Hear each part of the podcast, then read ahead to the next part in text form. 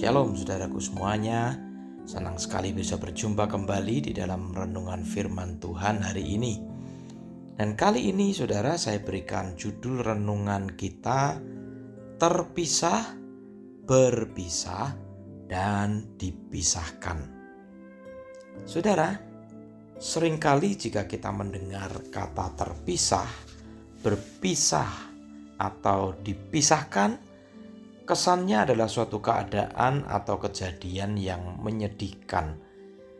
Berpisah dari orang yang dikasihi, berpisah dari sebuah lingkungan yang kita sudah lama tinggal dan sudah nyaman berada di dalamnya, terpisah dari teman-teman kerja yang menyenangkan, dan kemudian dipisahkan untuk waktu yang lama dengan anak, dengan pasangan, dengan orang tua, dengan pacar, dan lain-lainnya.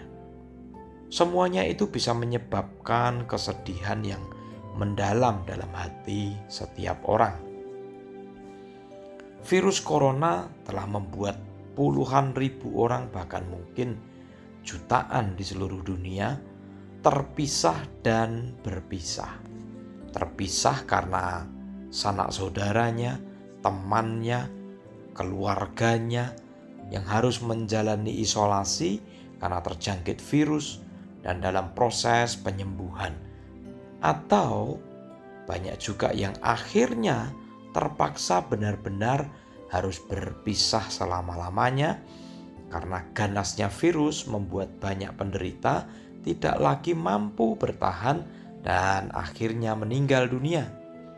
Saya berdoa, saudara, jika ada di antara pendengar yang juga mengalami hal ini, Tuhan, sumber damai sejahtera itu, kiranya memenuhi hatimu dengan damai sejahteranya yang ajaib, sehingga sekalipun goncangan itu begitu berat, Anda dapat melewatinya dengan kemenangan dan tetaplah mendekat dan melekat kepada Tuhan. Amin.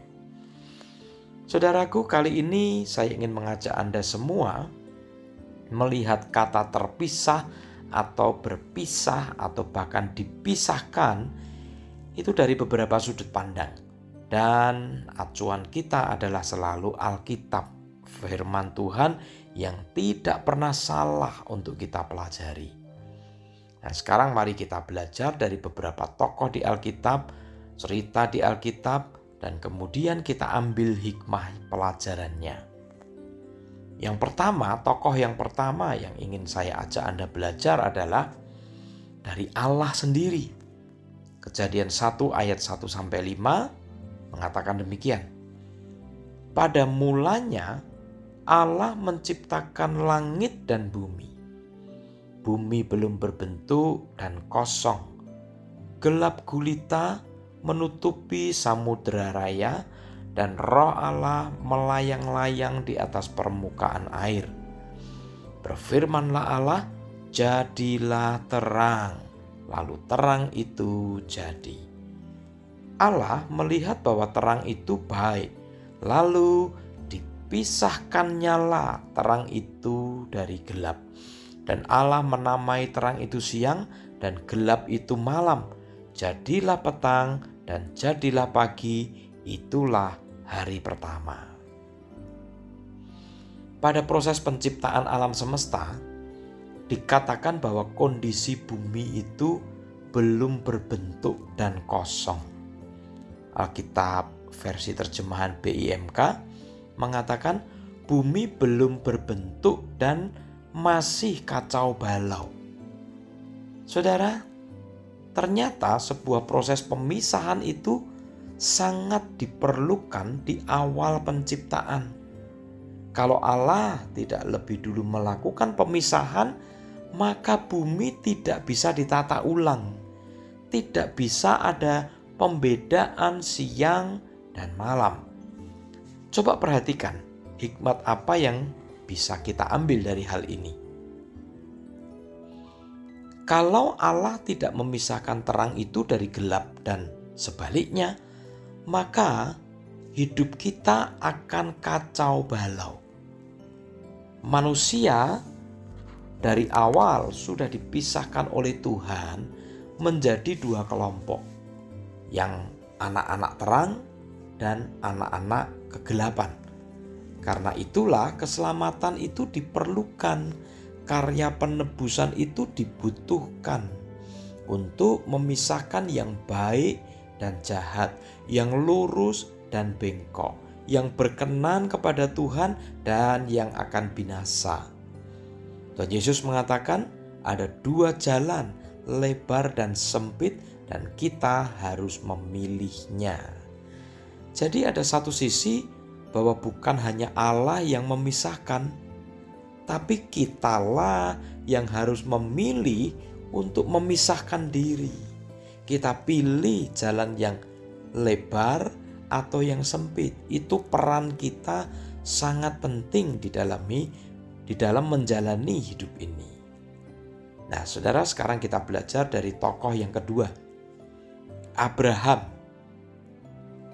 Kejadian 13 ayat 1 dan 2.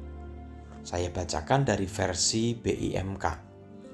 Abram meninggalkan Mesir dan pergi ke arah utara menuju ke bagian selatan Kanaan dengan istrinya serta segala miliknya dan Lot ikut juga. Lot itu adalah keponakan Abraham. Ayat 2 Abram kaya raya. Ia memiliki domba, kambing, sapi, juga perak dan emas. Sampai di situ dulu, saudara. Saat Abram dipanggil Tuhan untuk keluar dari rumah ayahnya, Abram ini belum sekaya saat dia sampai di Mesir. Demikian juga Lot keponakannya karena dia taat kepada Abram yang adalah pamannya untuk diajak berpetualang, maka Lot ini kecipratan berkat dari Tuhan. Lot itu juga kaya raya. Sampai satu hari kekayaan mereka justru kemudian menjadi masalah besar. Nah kita lanjutkan pembacaan kita. Kejadian 13 ayat 6 dan 7 sekarang. Karena itu, tanah di situ tidak cukup padang rumputnya untuk didiami mereka berdua. Sebab ternak mereka terlalu banyak. Lalu terjadilah pertengkaran antara para gembala Abram dan para gembala Lot. Pada masa itu, orang Kanaan dan orang Feris masih mendiami tanah itu. Saudara, Inilah yang terjadi saat dua orang konglomerat itu tinggal di satu tempat yang sempit. Bosnya baik-baik saja, tapi karyawannya bertengkar hebat. Sebetulnya saudara, tempat itu bukan sempit sebetulnya ya. Cukup luas, cukup besar. Hanya saja mereka diberkati oleh Tuhan dengan ternak yang sangat-sangat besar, dengan kekayaan yang sangat-sangat besar. Ternak Abraham dan ternak Lot itu mungkin hampir sama banyaknya, sehingga ketersediaan rumput itu kurang. Bahkan disebut padang rumput itu tidak cukup menyediakan makan untuk ternak mereka. Saudara bisa bayangkan betapa banyaknya kekayaan Abram dan Lot. Oke, kita lanjutkan. Kejadian 13 ayat 8 sampai 11. Abram berkata kepada Lot, "Kita ini bersaudara. Tidak baik jika orang-orangmu dan orang-orangku saling bertengkar. Sebab itu, sebaiknya kita berpisah." Pilihlah bagian mana dari tanah ini yang kau sukai. Jika engkau pergi ke arah ini, saya akan pergi ke arah yang lain. Lalu ayat 10 mengatakan, Lot memandang ke sekitarnya dan dilihatnya bahwa seluruh lembah Yordan sampai ke kota Zoar banyak airnya seperti taman Tuhan atau seperti tanah Mesir. Begitulah keadaannya sebelum Tuhan memusnahkan kota-kota Sodom dan Gomora. Akhirnya, Lot memilih seluruh lembah Yordan itu, lalu berangkat ke timur. Demikianlah kedua orang itu berpisah. Coba perhatikan saudara hikmat apa yang bisa kita ambil dari cerita ini. Dari awal sebetulnya hanya Abraham yang dipanggil oleh Tuhan. Benar ya? Lot itu tidak, tidak dipanggil. Tapi wajar jika Abraham itu kemudian merasa takut untuk berjalan sendiri. Meskipun dia disertai pegawai-pegawainya, tapi Abraham butuh orang yang secara status dan kapasitasnya itu juga harus setanding dengan dia sehingga bisa diajak bertukar pikiran. Maka dia pilih Lot keponakannya, diajak serta. Sehingga Abraham merasa nyaman dan percaya diri untuk menjalani petualangan itu. Dan di sinilah kemudian kita melihat betapa baiknya dan adilnya Tuhan. Meskipun Lot itu sebetulnya tidak termasuk di dalam misi panggilan itu, tapi Tuhan tetap bertanggung jawab atas hidupnya Lot.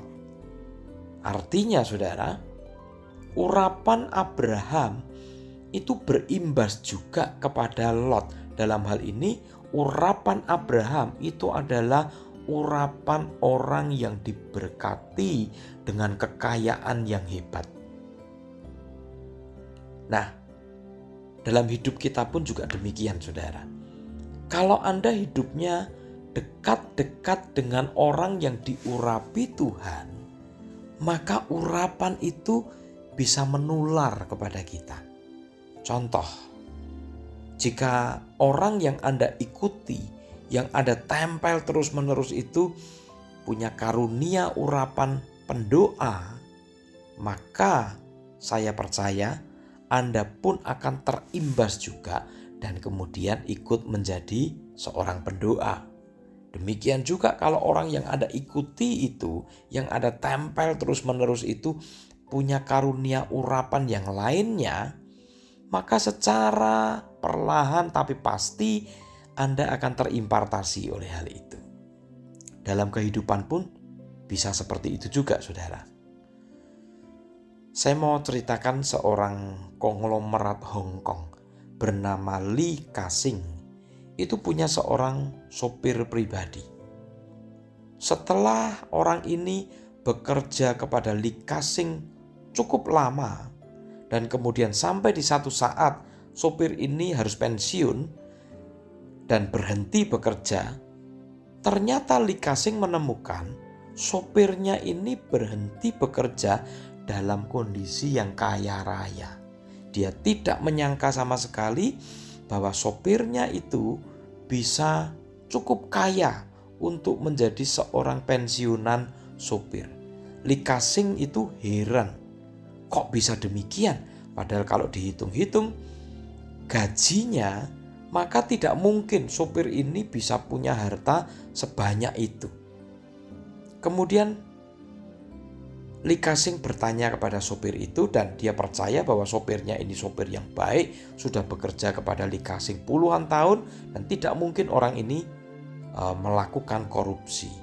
Kemudian sopir ini bercerita bahwa selama dia menyopiri bos Lee ini, sering kali dia menyimak pembicaraan bosnya saat mengambil keputusan membeli saham, menganalisa perusahaan tertentu yang ada sahamnya, kemudian menjual saham, kemudian menahan investasinya, dan lain sebagainya.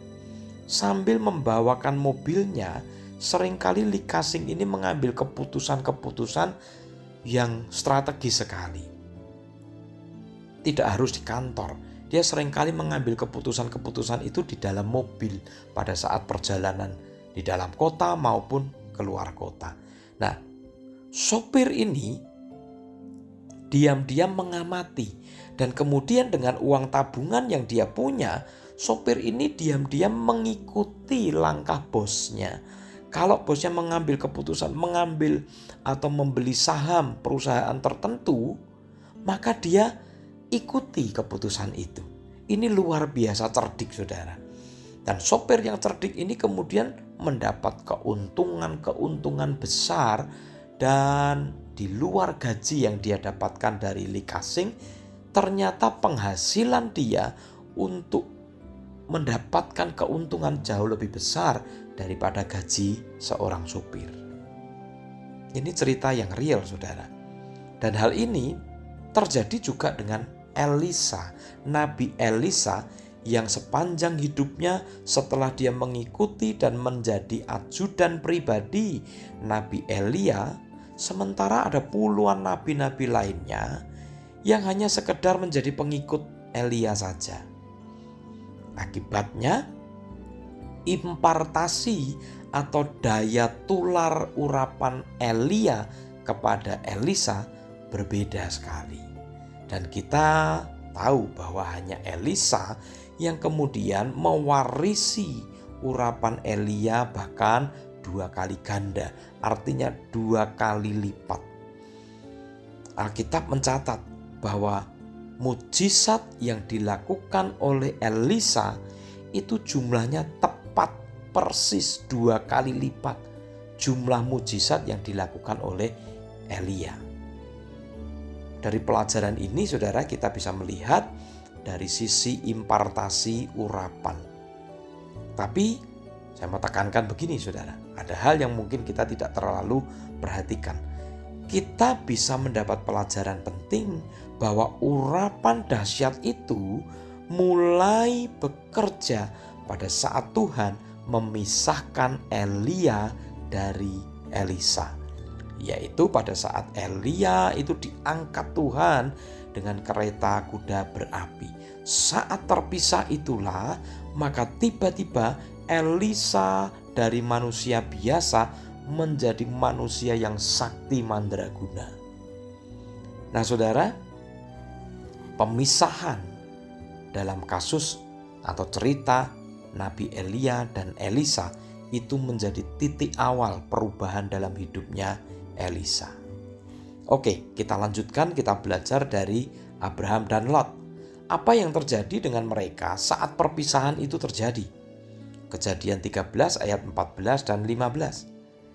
Setelah Lot berpisah daripada Abram, berfirmanlah Tuhan kepada Abram, "Pandanglah sekelilingmu dan lihatlah dari tempat engkau berdiri itu ke timur dan barat, utara, dan selatan, sebab seluruh negeri yang kau lihat itu akan kuberikan kepadamu dan kepada keturunanmu untuk selama-lamanya. Saudara, setelah Abraham berpisah dengan Lot, di situlah firman Tuhan datang kembali kepada Abraham. Dan firman Tuhan mulai lebih mendominasi kehidupannya. Saudara tahu bahwa setelah berpisah dengan Lot, Tuhan secara khusus merubah nama Abram menjadi Abraham. Ketika Abraham masih bersama dengan Lot, Tuhan tidak lakukan ini. Tapi setelah Tuhan pisahkan mereka, maka berkat-berkat hebat kemuliaan-kemuliaan yang hebat, rencana-rencana Tuhan yang lebih dahsyat mulai dimunculkan dalam kehidupan Abraham. Saudaraku, kadang perpisahan atau dipisahkan atau bahkan terpisah dari orang yang tadinya dekat dengan kita itu baik adanya. Percayalah bahwa semua detail yang terjadi dalam hidup kita, setiap kejadian-kejadian di dalam hidup kita itu ada campur tangan Tuhan di dalamnya. Sekalipun itu menyakitkan, menyedihkan, mengecewakan, bahkan menakutkan sekalipun, tapi tangan Tuhan tidak pernah sekalipun meninggalkan kita. Dalam kisah Abraham tadi, kalau boleh memilih, saya percaya Abraham pasti lebih memilih untuk selalu bersama-sama dengan Lot. Tapi Tuhan sengaja memunculkan masalah, yaitu berupa pertentangan keras di antara karyawan-karyawan mereka, supaya apa? Supaya Abraham mulai berpikir lebih baik berpisah saja supaya tidak terjadi perpecahan yang lebih hebat di antara persaudaraan mereka. Saudara, dalam pengalaman hidup, saya juga pernah mengalami hal seperti ini. Saya pernah dekat dengan beberapa teman yang kemudian karena kecocokan demi kecocokan merasa nyaman di dalam hubungan pertemanan, Kemudian kami menjalin kerjasama bisnis yang cukup sukses. Semua sepertinya baik-baik saja. Bisnis yang dibangun itu berjalan sangat baik bertahun-tahun dan menguntungkan sekali. Perbedaan pendapat, perbedaan selera, perbedaan gaya hidup, perbedaan cara kami mengambil keputusan, dan lain sebagainya itu bisa kami selaraskan dan tidak menimbulkan pertentangan yang berarti. Sampai satu saat, saudara, entah bagaimana Tuhan seperti memunculkan sebuah masalah yang kemudian membuat kami harus berpisah. Saya putuskan untuk tidak bekerja sama lagi.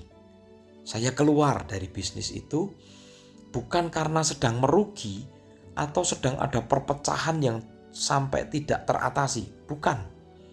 Tapi ada sesuatu dorongan yang dari Tuhan yang kemudian membuat saya harus mengambil keputusan untuk berpisah.